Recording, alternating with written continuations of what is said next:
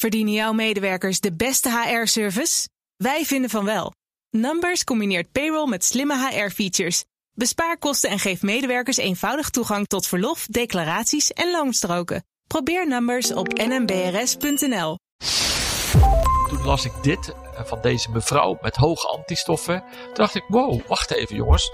Uh, misschien moeten we, nou ja, moeten meer mensen zich melden. Zouden we die antistoffen van haar moeten onderzoeken?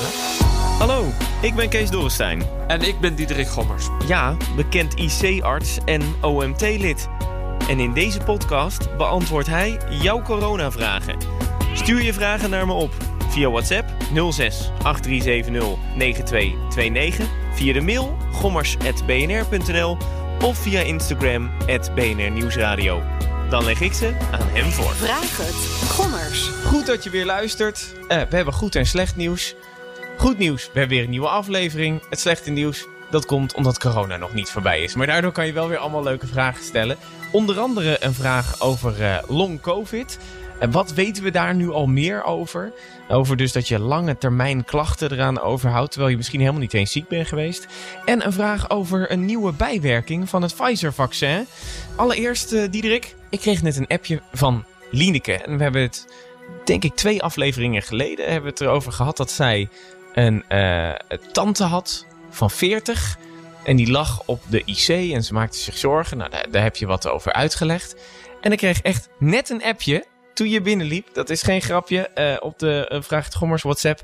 Uh, dat haar tante van de IC is nu. Dus oh, dat, wat goed. Gelukkig. Dat ze aan het herstellen is. Ze is er nog niet helemaal. Maar ze is in ieder geval nu op een gewone herstelafdeling. En, dus, dus ja, die twee weken die, die hebben er uiteindelijk in het positieve goed gedaan. Oh, wat, goed zeg. Goed om te horen. Ja, dat is, en ze, ze bedankte ons ook nog allemaal voor de support. Dus dat, dat is leuk. En we vinden het sowieso leuk om berichtjes te krijgen uh, van mensen die het gewoon fijn vinden om uh, de podcast uh, te luisteren. V vinden we leuk om te horen. Um, allereerst een vraag van, van mijzelf, die toen vorige week is blijven liggen. Of vaccins meer effect hebben op vrouwen dan mannen wat betreft de bijwerking. Dat vroeg ik me toen af. En toen zei je, oh, daar moet ik nog eventjes induiken. Ja, op de bijwerkingen. Kijk, wat we merken is, hè, de, we hebben het nu vooral over die vectorvaccins, hè, zoals de AstraZeneca en Janssen, mm -hmm. waar we ons zorgen maken over die ernstige trombose. Hè, die, met een duur woord heet dat sinustrombose. Dus dan worden er antistoffen gemaakt tegen je bloedplaatjes en dan krijg je stolseltjes in je hersenen. Mm -hmm. Dat is wel een ziektebeeld wat meer voorkomt bij vrouwen.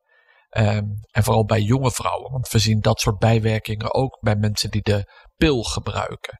Uh, maar het komt ook gewoon voor na algemene uh, virusinfecties. Maar het komt gewoon veel meer voor bij jonge vrouwen. Dus er zit wel een verschil tussen mannen en, en, en vrouwen, sowieso in de werking van medicijnen. Mm -hmm. Dus het, maar om nou te zeggen dat het ene vaccin beter werkt dan het ander, is weer, snap je, dan ga je het veralgemeniseren ja. en dan wordt het weer lastig. Dus de bijwerking waar we ons zorgen maken uh, over dat AstraZeneca en het Janssen-vaccin.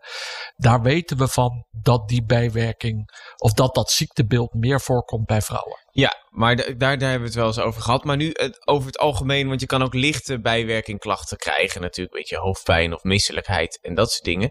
Weten we of uh, gewoon die, het, het, het algemene begrip bijwerkingen vaker bij vrouwen voorkomt dan bij mannen? Of dat die dan bij vrouwen misschien wat heftiger zijn. Dat ze een dagje ziek zijn, terwijl mannen misschien maar een halve deel ziek zijn. Nee, ik verwacht dat eigenlijk niet. Ik heb dan, zou ik even moeten opzoeken, hè, want er werden mm -hmm. al bij de LAREP 50.000 klachten gemeld naar aanleiding van vaccin. Ik zal het eens uh, op hun website eens nagaan om te zien of er verschil zit tussen mannen en vrouwen. Ik kan maar even kijken, ik heb hier de website, ik kan maar even naar de LAREP site. Ze hebben een kopje update bijwerkingen.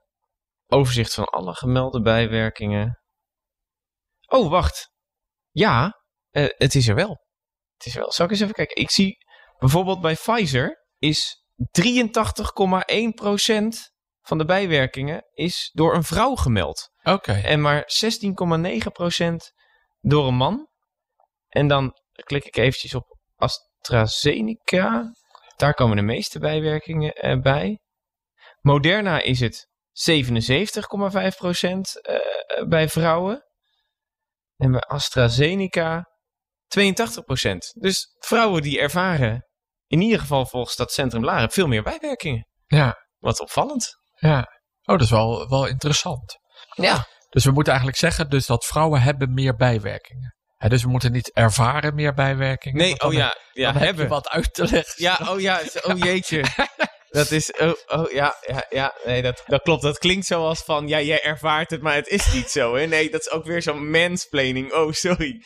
Dat is, ik ben niet woke genoeg. Dat blijkt mij nu al. dit zijn echt hè, dus, eh, gemelde klachten. Dus, eh, dus blijkbaar is het toch echt wel een groot verschil. Dus hè, rond de 80% vrouwen en 20% mannen. Ja, Oh, opvallend. dat is, dat is ja, nou, blijkbaar kunnen mannen er dan beter tegen of zo, het vaccin. Of werkt maar er zitten, ik bedoel, er, zitten, er zitten grote verschillen tussen mannen en vrouwen. En dat heeft natuurlijk ook met de hormoonhuishouding te maken. Mhm. Maar ik wist niet dat het zo, zo groot verschil was in die reactie. Ja, inderdaad. En dit is natuurlijk op basis van die 50.000 Ja, maar, ja, maar dat is ook een groot aantal. Ja, dus je kan, flink dus ja. je kan ook echt wel zeggen dat dit een, een significant verschil is. Hè? Oh, wauw. Nou, wat, wat opvallend. eh, daar, Ja. daar komen we dan nu maar net eventjes achter door gewoon Ja, even wat, wat Google-werk. Kan dat dan wel betekenen, dat weet ik niet hoor, dat, dat je op den duur eigenlijk een soort van een mannen- en een vrouwenvaccin moet maken, zodat je iets minder bijwerkingen hebt dan bij de vrouwen? Want ja, vrouwen- en mannenlichamen zijn nou eenmaal gewoon anders. Ja, maar je wil ook die antistoffen opwekken. Dus dan zou je echt moeten weten waarom de vrouwen. ehm, dan moet je meer in detail kijken welke bijwerkingen ze hebben. En ehm, kan ik daar wat aan doen? Snap je? Want wat zijn bijwerkingen? Is hoofdpijn, eh, koorts, ehm, spierpijn, je niet lekker voelen, vermoeidheid. Dat zijn van algemene klachten, maar dat je lichaam is, die heeft diezelfde soort klachten ook als je COVID krijgt of griep krijgt.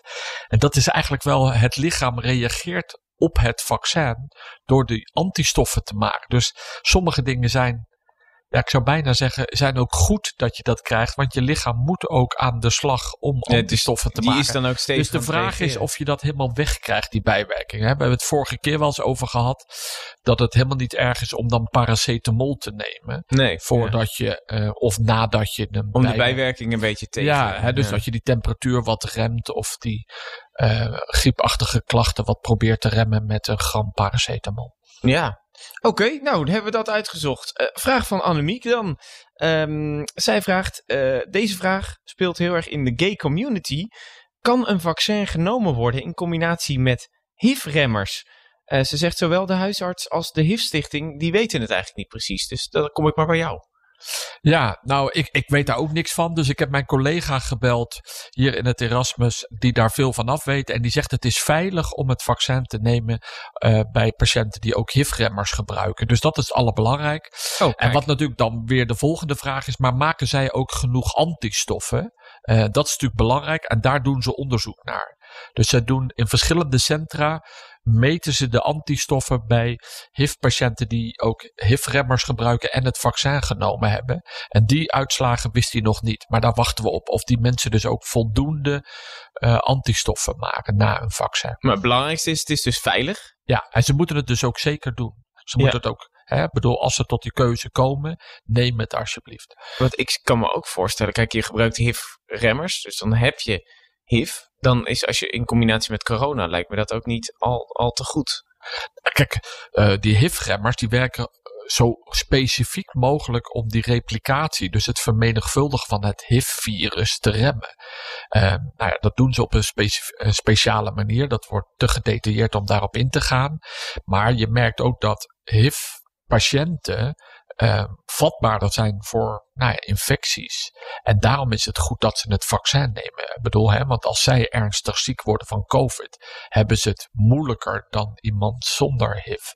Eh, dus ik denk dat het verstandig is. En dus goed om te horen dat het veilig is om het vaccin te nemen. Ja, precies. En er wordt nu dus nog onderzoek gedaan over of je wat minder antistoffen opbouwt Nou ja, of dat, niet. ja, dat is natuurlijk wel belangrijk. Het is ook wel belangrijk om te weten of ze dan ook voldoende antistoffen en dus Ja. voldoende beschermd zijn. Anders zouden ze misschien nog meer eh, vaccins moeten eh, krijgen. Nou ja, dat, d- dan moeten we dan afwachten wat dan de, het advies wordt. Of ze moeten beter opletten nog dat ze eh, nou, nog steeds kwetsbaar zijn. Hè? Dat, ze, nou ja, dat we als we straks volledig kunnen versoepelen, dat zij een risicogroep zijn.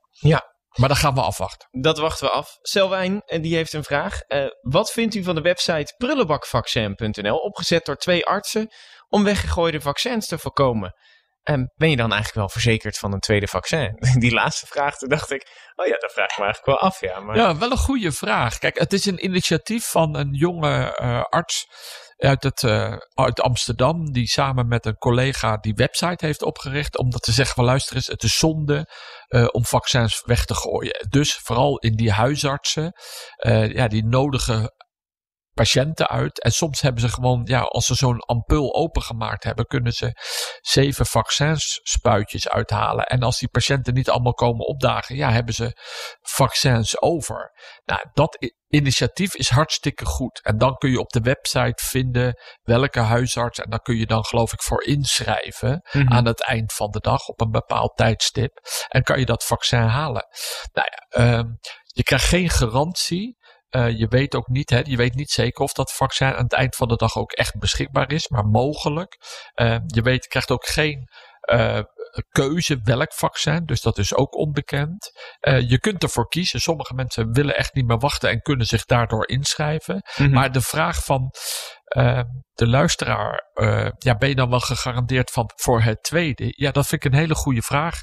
Ik kon er niks over vinden op de website. Uh, er stond ook geen garantie. Nee. Dus um, ja, ik denk wel dat, ze, dat het een slimme vraag is en dat het dus niet helemaal gegarandeerd is. Ja, dus stel die vraag sowieso als je hier aan meedoet. Stel die vraag wel eventjes als je daar aankomt of als je een melding krijgt van je kan hem komen ophalen. Ja. Of Sta je ja, dan nu in het systeem ook om die tweede te krijgen? Ja, of dat je dat dan via de GGD wel uh, krijgt. Uh, maar, maar ja, het is een hele goede vraag. Ja, maar wat vind je van het concept? Dat, dat ze, ja, ik vind het concept, hè, de, het, het uitgangspunt is dat ze geen vaccins willen weggooien. En we hebben met elkaar de, de opdracht om zo snel mogelijk, in een zo kort mogelijke tijd, zoveel mogelijk volwassen patiënten te vaccineren of mensen te vaccineren. Ja, daarom vind ik het een goed initiatief. Ja, daar zitten wel haken en ogen aan, wat we net bespreken. Dus ja, uh, het is denk ik ook nog best lastig. Ja, let er gewoon goed op. Uh, maar ja, kijk, ja, als ik het zo zag, dacht ik in ieder geval, het zijn mensen die initiatief nemen ja. en denken van, hé, hey, er is een probleem, kunnen we het misschien niet op deze ja, manier oplossen? Ja, en, de, en dus die website, die koppelt vooral mensen. Ja. Dus een huisarts kan zich inschrijven. Een soort Tinder voor vaccins is het eigenlijk. Ja, eigenlijk wel. Die huisarts kan zich inschrijven. Die moet aangeven of die verwacht dat hij vaccins over heeft. En die moet ook weer op, op tijd opdruk, op een knopje drukken dat hij geen vaccins meer heeft. En andere mensen kunnen zich melden of kunnen kijken of dat een huisarts bij hun in de buurt is. Dus ja, het is eigenlijk een, ja, soort uh, relatie, koppelaar. Uh. Ja, ik vond trouwens ook wel goed om te zien dat bijvoorbeeld huisartsen in Limburg, die, die doen dat al een tijdje, die he, hebben echt nauw contact met de GGD's. En die houden echt ook lijsten bij, van ze denken van, hé, hey, deze mensen, die zijn nu nog niet aan de beurt, maar mocht er aan het einde van de dag wat over zijn, dit zijn risicopatiënten, en dan kunnen we die alvast naar voren schuiven. Dus die zijn, er zijn al veel ja, van nou, dit soort nou, initiatieven. Ja, ja, maar dat is natuurlijk nog beter. Hè? Dat, dat ze ook echt samenwerken. Dat ze het samen doen met die GGD's. En dan is denk ik ook beter geborgd dat je die tweede prik kan uh, krijgen. Ja, want dan is het gewoon, dan staat het in het systeem en dan is het goed ge, gefixt. Um, uh, Samuel, die vraagt zich af um, uh, wat betreft de, de, de testen. Want je moet voor een test je neus snuiten, zegt hij. En nu vroeg ik mij af of je door het snuiten van je neus ervoor kunt zorgen dat je uiteindelijk een valse negatieve testuitslag krijgt. Omdat je door het snuiten wellicht al die virusdeeltjes eruit snuit. Is dat mogelijk? Ja, wel een mooie ik vraag. Ik zie je ook een beetje lachen. Ja, ik vind dat wel een mooie vraag. Kijk, uh, neussnuiten, de, ja, je kan net op dat moment een grote snottebel hebben. En dat verdunt, hè, dat is vocht. Um, en daarom is het zo belangrijk om eerst je neus schoon te maken, omdat je daarna met dat wattenstokje, of dat, die borsteltjes die eraan zit, je wil eigenlijk kleine celdeeltjes, en virusdeeltjes wil je ophalen. En dat wordt misschien te verdund in zo'n snottebel. Tuurlijk verlies je, daar zit ook virus in, als je het onverhoopt bij je hebt. Maar ik denk dat het belangrijk is dat het anders te verdund wordt. Dus daarom is het belangrijk goed je neus te snuiten en daarna met zo'n eh, wattenstaafje of zo'n borsteltje eh, diep je neus in te gaan om virusdeeltjes, celdeeltjes mee te krijgen. Om dat virus daarna aan te maar tonen ho via die PCR. verdunt een snottebel dan? Nou ja, uh, kijk, je, er zit heel veel vocht in. Uh, en het is natuurlijk, je probeert een concentratie van virusdeeltjes op te halen. Mhm. Mm -hmm. um, en zo'n snottebel, dan gaat dat virus in dat water, kan zich ja, verdunnen. Oh, het wordt gewoon een soort van klodder van, van water. En, Ja, en in de virussen. zitten ook andere resten. Hè? Ik bedoel, Ja. waar komt het precies vandaan? Hè? Laten we niet in, eh, het is niet echt eh, smakelijk om, om over snottebellen te praten. Je zou maar net je lunch aan het eten zijn en dit aan het luisteren. Dus nee, eh, ik denk dat het heel verstandig... Daar is goed over nagedacht. En het is gewoon verstandig om goed je neus te snuiten. En daarna die borstel, borsteltje in te brengen. Diep in je neus, tot achterin. Zit Ja, er eigenlijk ook van die op snottebellen zo diep in je neus? Nou, uiteindelijk wordt het gemaakt door de, door de cellen in je neus en, en al die holtes. eh, die maken je eigenlijk je vochtigheid. Maar je komt natuurlijk ook achter in je keel. En uit je mond zit natuurlijk ook slijm. En ja, dat slijm, dat zit allemaal in die keelholte. Dus hè, je hebt aan de voorkant je neusholte, je mond. En aan de achterkant van beide heb je je keelholte. En die staat met elkaar in verbinding. Dus je kunt je voorstellen dat, nou ja, dat slijm uit je mond eventueel ook in je neus kan komen als je het op ja, Ja. hoest. Of, Dus als je ja. er diep in gaat, kan je ook snottebellen tegenkomen. Ja, ja. Oké. Lars dan, die heeft een vraag over long covid. En er zijn meerdere mensen eh, die wat vragen daarover hebben ingestuurd. Hij zegt, kan je na een vaccin nog long covid ontwikkelen, mocht je dan toch corona krijgen? En long covid, dat is dan dat je lange termijn klachten hebt eh, Ja. van, eh, eh, Ja, van long COVID is de naam, die komt uit de Engelse literatuur. En die staat eigenlijk voor mensen die langer dan vier weken nog klachten hebben. Nou, dat gebeurt bij best wel veel. Hè. De belangrijkste klacht is vermoeidheid. Die komt het allermeeste voor.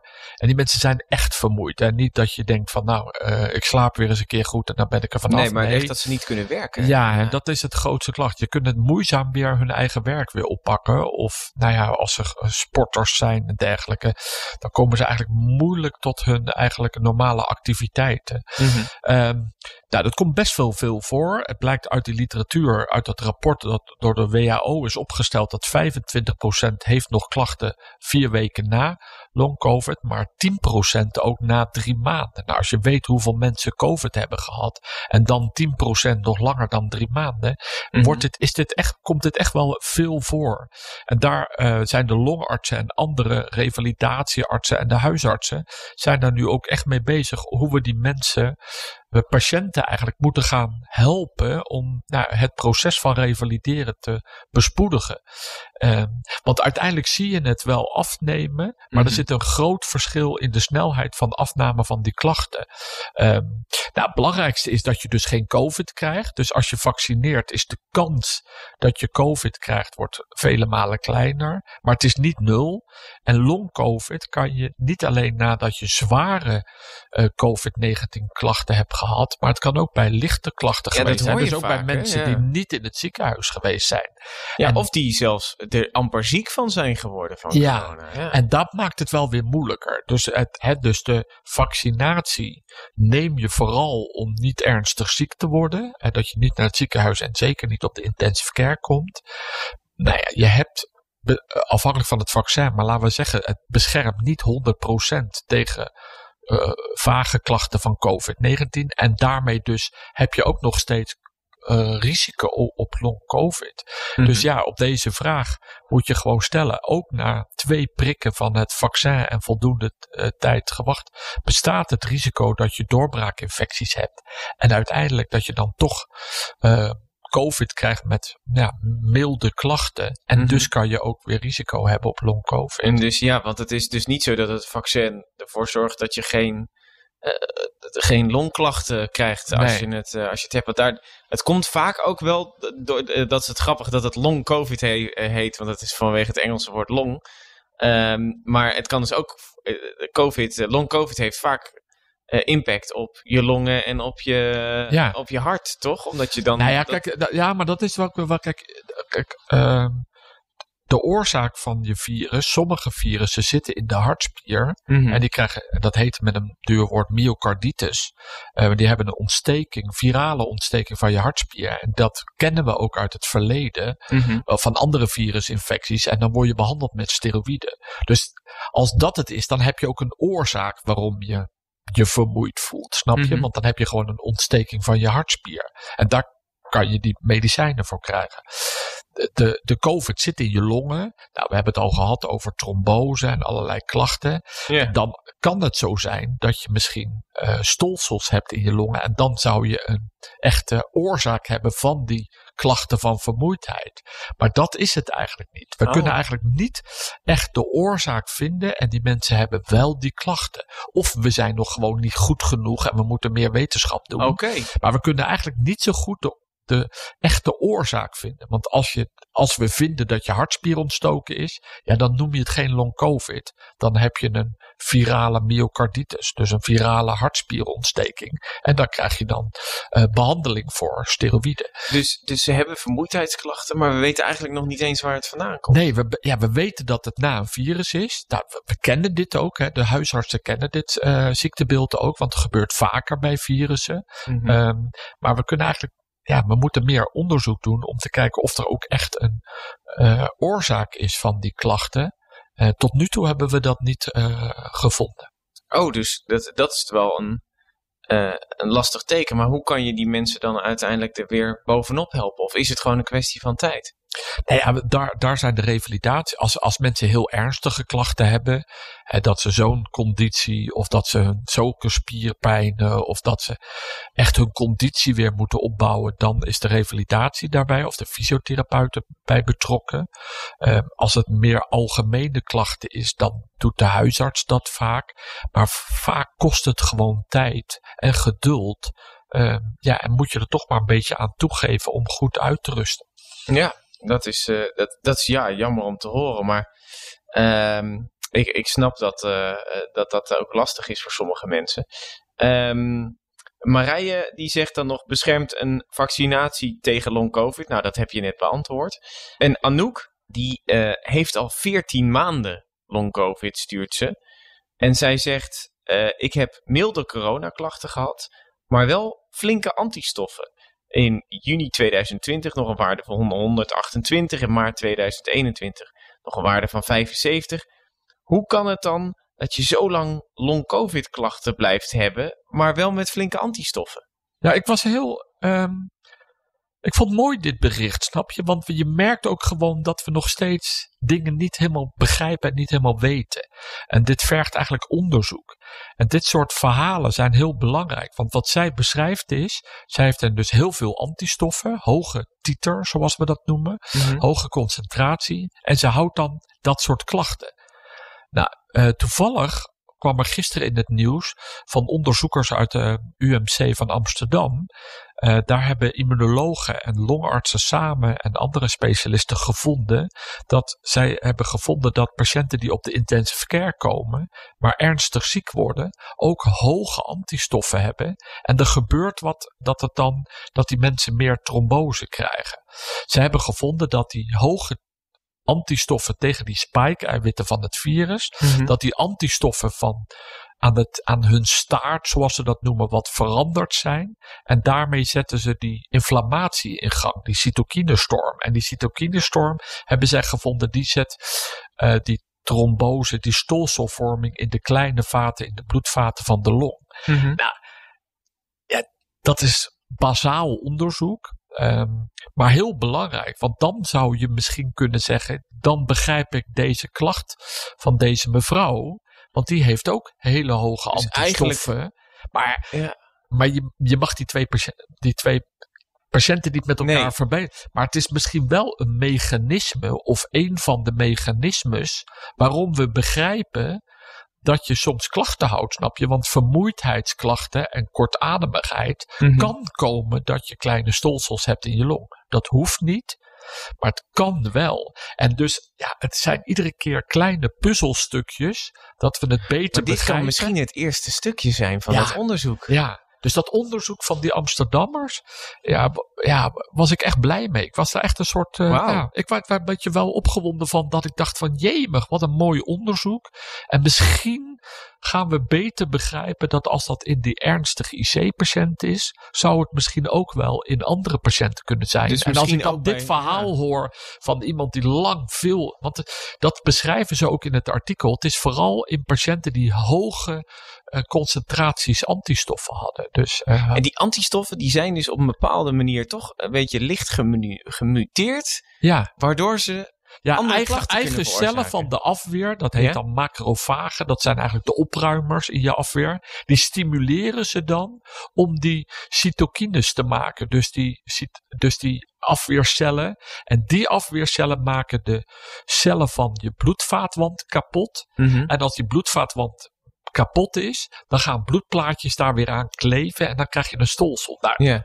We zitten nu helemaal medicijnen Ja, maar dit ik- uit te leggen. Maar dit is wel interessant. Ja, maar dit is, het, dit is zeg maar dat je gaat begrijpen wat er gebeurt eigenlijk. En dus, ja, ongelooflijk mooi onderzoek eh, van de collega's Oké, maar dit is dus een eerste onderzoek, dus er moet meer onderzoek komen. Want nu kan het dus blijken dat zelfs mensen die milde klachten hebben gehad, maar heel veel antistoffen, dat die antistoffen dus Nou, ik was daarop getriggerd. dus, ja. dit, dit zegt het nog niet. Nee, dat hè? zegt Bedoel, het nog niet, Maar nee. omdat ik dat artikel gisteren heb zitten lezen, ehm, dacht ik van, ho, wacht even. En toen las ik dit eh, van deze mevrouw met hoge antistoffen. Toen dacht ik, wow, wacht even jongens. Eh, misschien moeten we, nou ja, moeten meer mensen zich melden. Zouden we die antistoffen van haar moeten onderzoeken.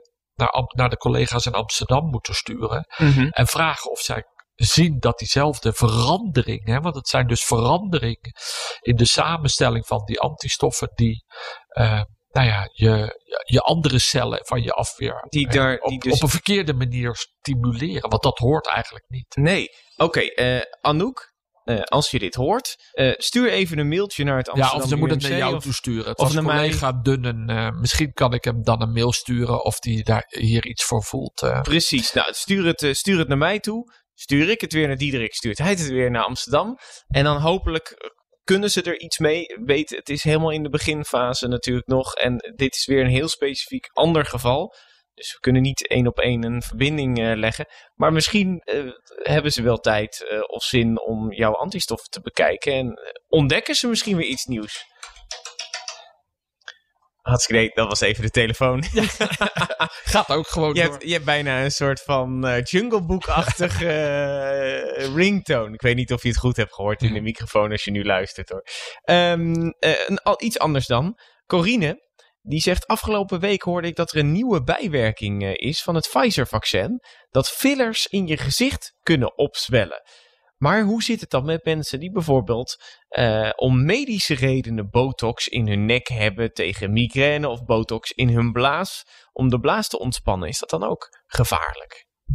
Ja, ehm, ik dacht, eh, eerst dacht ik van, hé, wat is dit voor een onzinbericht? Eh, Ik was een beetje verbaasd eigenlijk. Maar toen ben ik het gaan opzoeken. ehm, en dan vind je echt dat eh, mensen die fillers gebruiken, dat er dus in Amerika, eh, niet alleen naar Pfizer, maar ook naar Moderna, dat er echt mensen dan roodheid en zwelling krijgen van die fillers in hun gezicht of in hun lippen waar ze dat gebruikt hebben. En dat ik kon vinden dat dat bijvoorbeeld bij Moderna bij 3 bij 15.000 mensen die vaccins hebben gehad. Dus het komt gewoon echt voor. Mhm. En het idee is dat ja, je maakt antistoffen. Dus je lichaam is ja, een soort hè, in hyperparaatheid. Is een marathon aan het lopen. En dan kan het zijn dat dan het lichaam ook gestimuleerd wordt. Want die fillers zijn natuurlijk lichaamsvreemde materialen. En dat je Mhm. daar een reactie op krijgt. Ah, Ehm, en dat verklaart die roodheid. En je krijgt ook wat zwelling in die plekken. Dus het is wat meer ehm, ja, vochtophoping krijg je dan. En de behandeling is ook, wordt er geschreven, je moet antihistaminica, dus wat je gebruikt tegen een overgevoeligheidsreactie, of, eh, en of eh, steroïden moet je eh, nemen. Dus, en dan geneest het restloos. Dus Mhm. nou ja, als dit gebeurt, zou ik zeggen, neem contact op met je huisarts en die weet dan wat hij moet doen. Of met je centrum ehm, die die fillers geplaatst hebben, want die, die, hè, die klinieken kunnen dat ook. En wat wel, wat wel belangrijk is, ehm, is dat als je fillers plaatst na een coronavaccin, eh, of wil plaatsen, dat je eigenlijk wel die twee weken daarvoor en daarna moet in de acht nemen. Dus je moet niet een vaccin, als je net fillers hebt geplaatst, wacht dan even voordat je het vaccin neemt. Ehm, of als je net fillers hebt, Nou, doe dat vaccin dan later. Of als je net vaccin genomen hebt, plaats dan niet binnen twee weken uh, die fillers. Uh. Precies, wat en, die kunnen en dus die fillers die gebruikt worden wat, uh, voor andere, voor medische indicatie. Ja, ik denk dat dat dezelfde reactie is. Ik kon dat niet zo goed vinden. Maar ik kan me voorstellen, ja, dat zijn toch dezelfde soort materialen. en dus ook lichaamsvreemde stoffen. En dus kan je voorstellen dat het lichaam daarop reageert na een vaccin.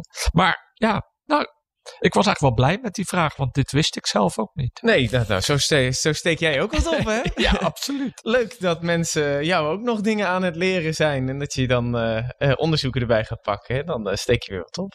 Vincent, die zegt er wordt steeds meer gesproken over de testsamenleving. Maar hoe betrouwbaar is een sneltest ten opzichte van een PCR-test? Of moet je daarna nog een PCR-test doen? Ja, nou de PCR-testen, wel vaker gezegd, dat is de Rolls Royce onder de testen. Dus die is het meest betrouwbaar. Die is eigenlijk ook onze maat, gouden standaard waarmee je het vergelijkt. Nou, er zijn veel sneltesten in omloop. En je kunt op de RIVM-site, hebben ze er een aantal getest en vrijgegeven. Um, en daar staan vijf uh, fabrieksnamen bij. Dus dat moet je even opzoeken. Uh, als die sneltest een positieve uitslag geeft, hoef je verder geen aanvullende onderzoek. Of is er ook geen PCR-test Omdat die betrouwbaar... Uh, ja, die hebben zij getest en die dingen. Maar er zijn ook heel veel andere uh, sneltesten in omloop. En dan wordt het een beetje een ander verhaal. Belangrijk is eigenlijk waarom je die test neemt. Snap je? Als je daarna werkzaam bent met kwetsbaren, hè, mm -hmm. dat je in de zorg zit of voor gehandicapten zorgt of voor ouderen of hè, die nog niet gevakt, maar mensen die waar je op moet passen dat die COVID krijgen, ja, dan zou ik zeggen, ga dan wel een PCR-test doen. Ook al is die sneltest negatief, dan is het toch, wordt er geadviseerd om dan toch voor de zekerheid die PCR. Je moet het zeker weten. En ook als je in de medisch risicogroep zit. Snap mm -hmm. je dat het echt belangrijk is dat je geen uh, COVID hebt, dan zou je ook die PCR-test moeten doen. Dus de PCR-test is betrouwbaarder. De, de getesten door de RIVM zijn goede alternatieven. Als die positief zijn, is het prima. Zijn ze negatief, dan kan het zijn dat ze vals negatief zijn. Iets meer dan bij een PCR-test. En afhankelijk uh, van je werk of waarom je de test gedaan hebt, moet je dan wel of niet nog even naar de GGD om een PCR-test ja. voor de zekerheid te laten. Maar, dus is, maar dan is het dus eigenlijk als hij positief is, dan kan je ervan uitgaan, oké, okay, je hebt corona, is hij negatief, dan moet je eigenlijk nog een PCR-test doen. Dus dan kan je maar beter eigenlijk in één keer een PCR-test Nou, als hij negatief is, uh, dan uh, moet je vooral als je werkt met kwetsbaren of als je zelf in de, med in de hoog medisch risicogroep zit, uh, dan zou je het, is het, wordt het aangeraden om dan een PCR-test te doen. In alle andere gevallen niet. Nee, ah, oké. Okay. Wat stel, je, je hebt dan een groot festival. Maar de betrouwbaarheid van de sneltest is altijd wat lager dan uh, ja. van een PCR-test. Ja, dus, dus hè, we accepteren dus met die sneltesten ook, en daarom hebben we ook die field labs experimenten, dat er, dat er dus eigenlijk wordt je wel negatief getest, maar dan blijkt er toch dat je wel virus bij je hebt. Ja, af en toe komen er toch wat positief uit. Ja, en, ja. Dat, en dat accepteer je dan. Alleen dat percentage is laag. Um, maar er zit, het is niet nul. Nee, oké. Okay. Dat, dat risico accepteer je. Uh, de laatste vraag dan van uh, uh, Milici. Zij zegt ook, ik uh, luister elke week en vind het erg leerzaam. Ik krijg een soort van medisch college elke ja, keer. Hebben we vandaag ook wel Nou ja, vandaag heel erg. Hè? Ja, dat vind ik ook wel leuk. Uh, soms, soms is het redelijk algemeen en soms krijg je echt van die medische uh, onderzoeken. Nou, dat, is, dat moeten we dan wat verder uitdiepen. Zij zegt, ik heb in maart corona gehad en heb nog steeds lichte klachten. Heb een antistoffentest gedaan bij mijn huisarts. En ik blijk helemaal geen antistoffen te hebben.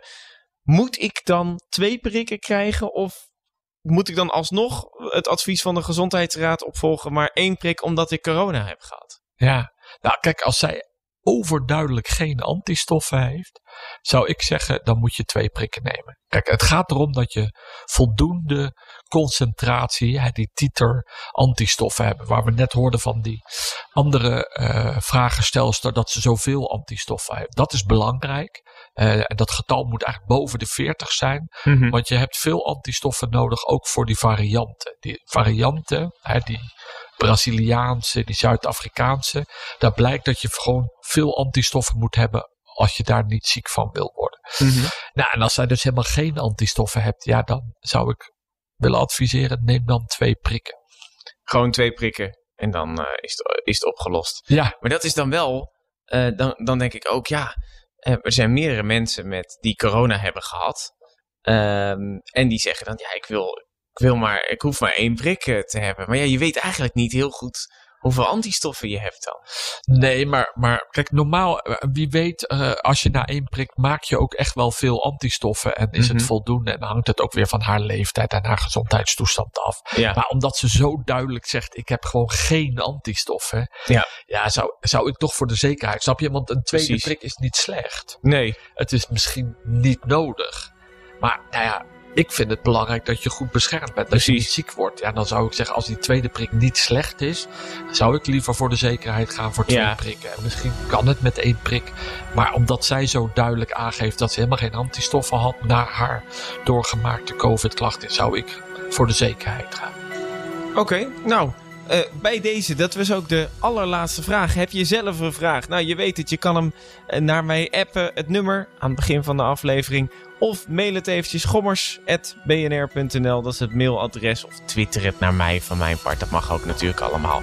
En vergeet niet te abonneren, eh, want dan krijg je een melding wanneer die online staat. En dan hoor je dus of jouw vraag voorbij is gekomen. Nou, tot volgende week. Tot volgende week.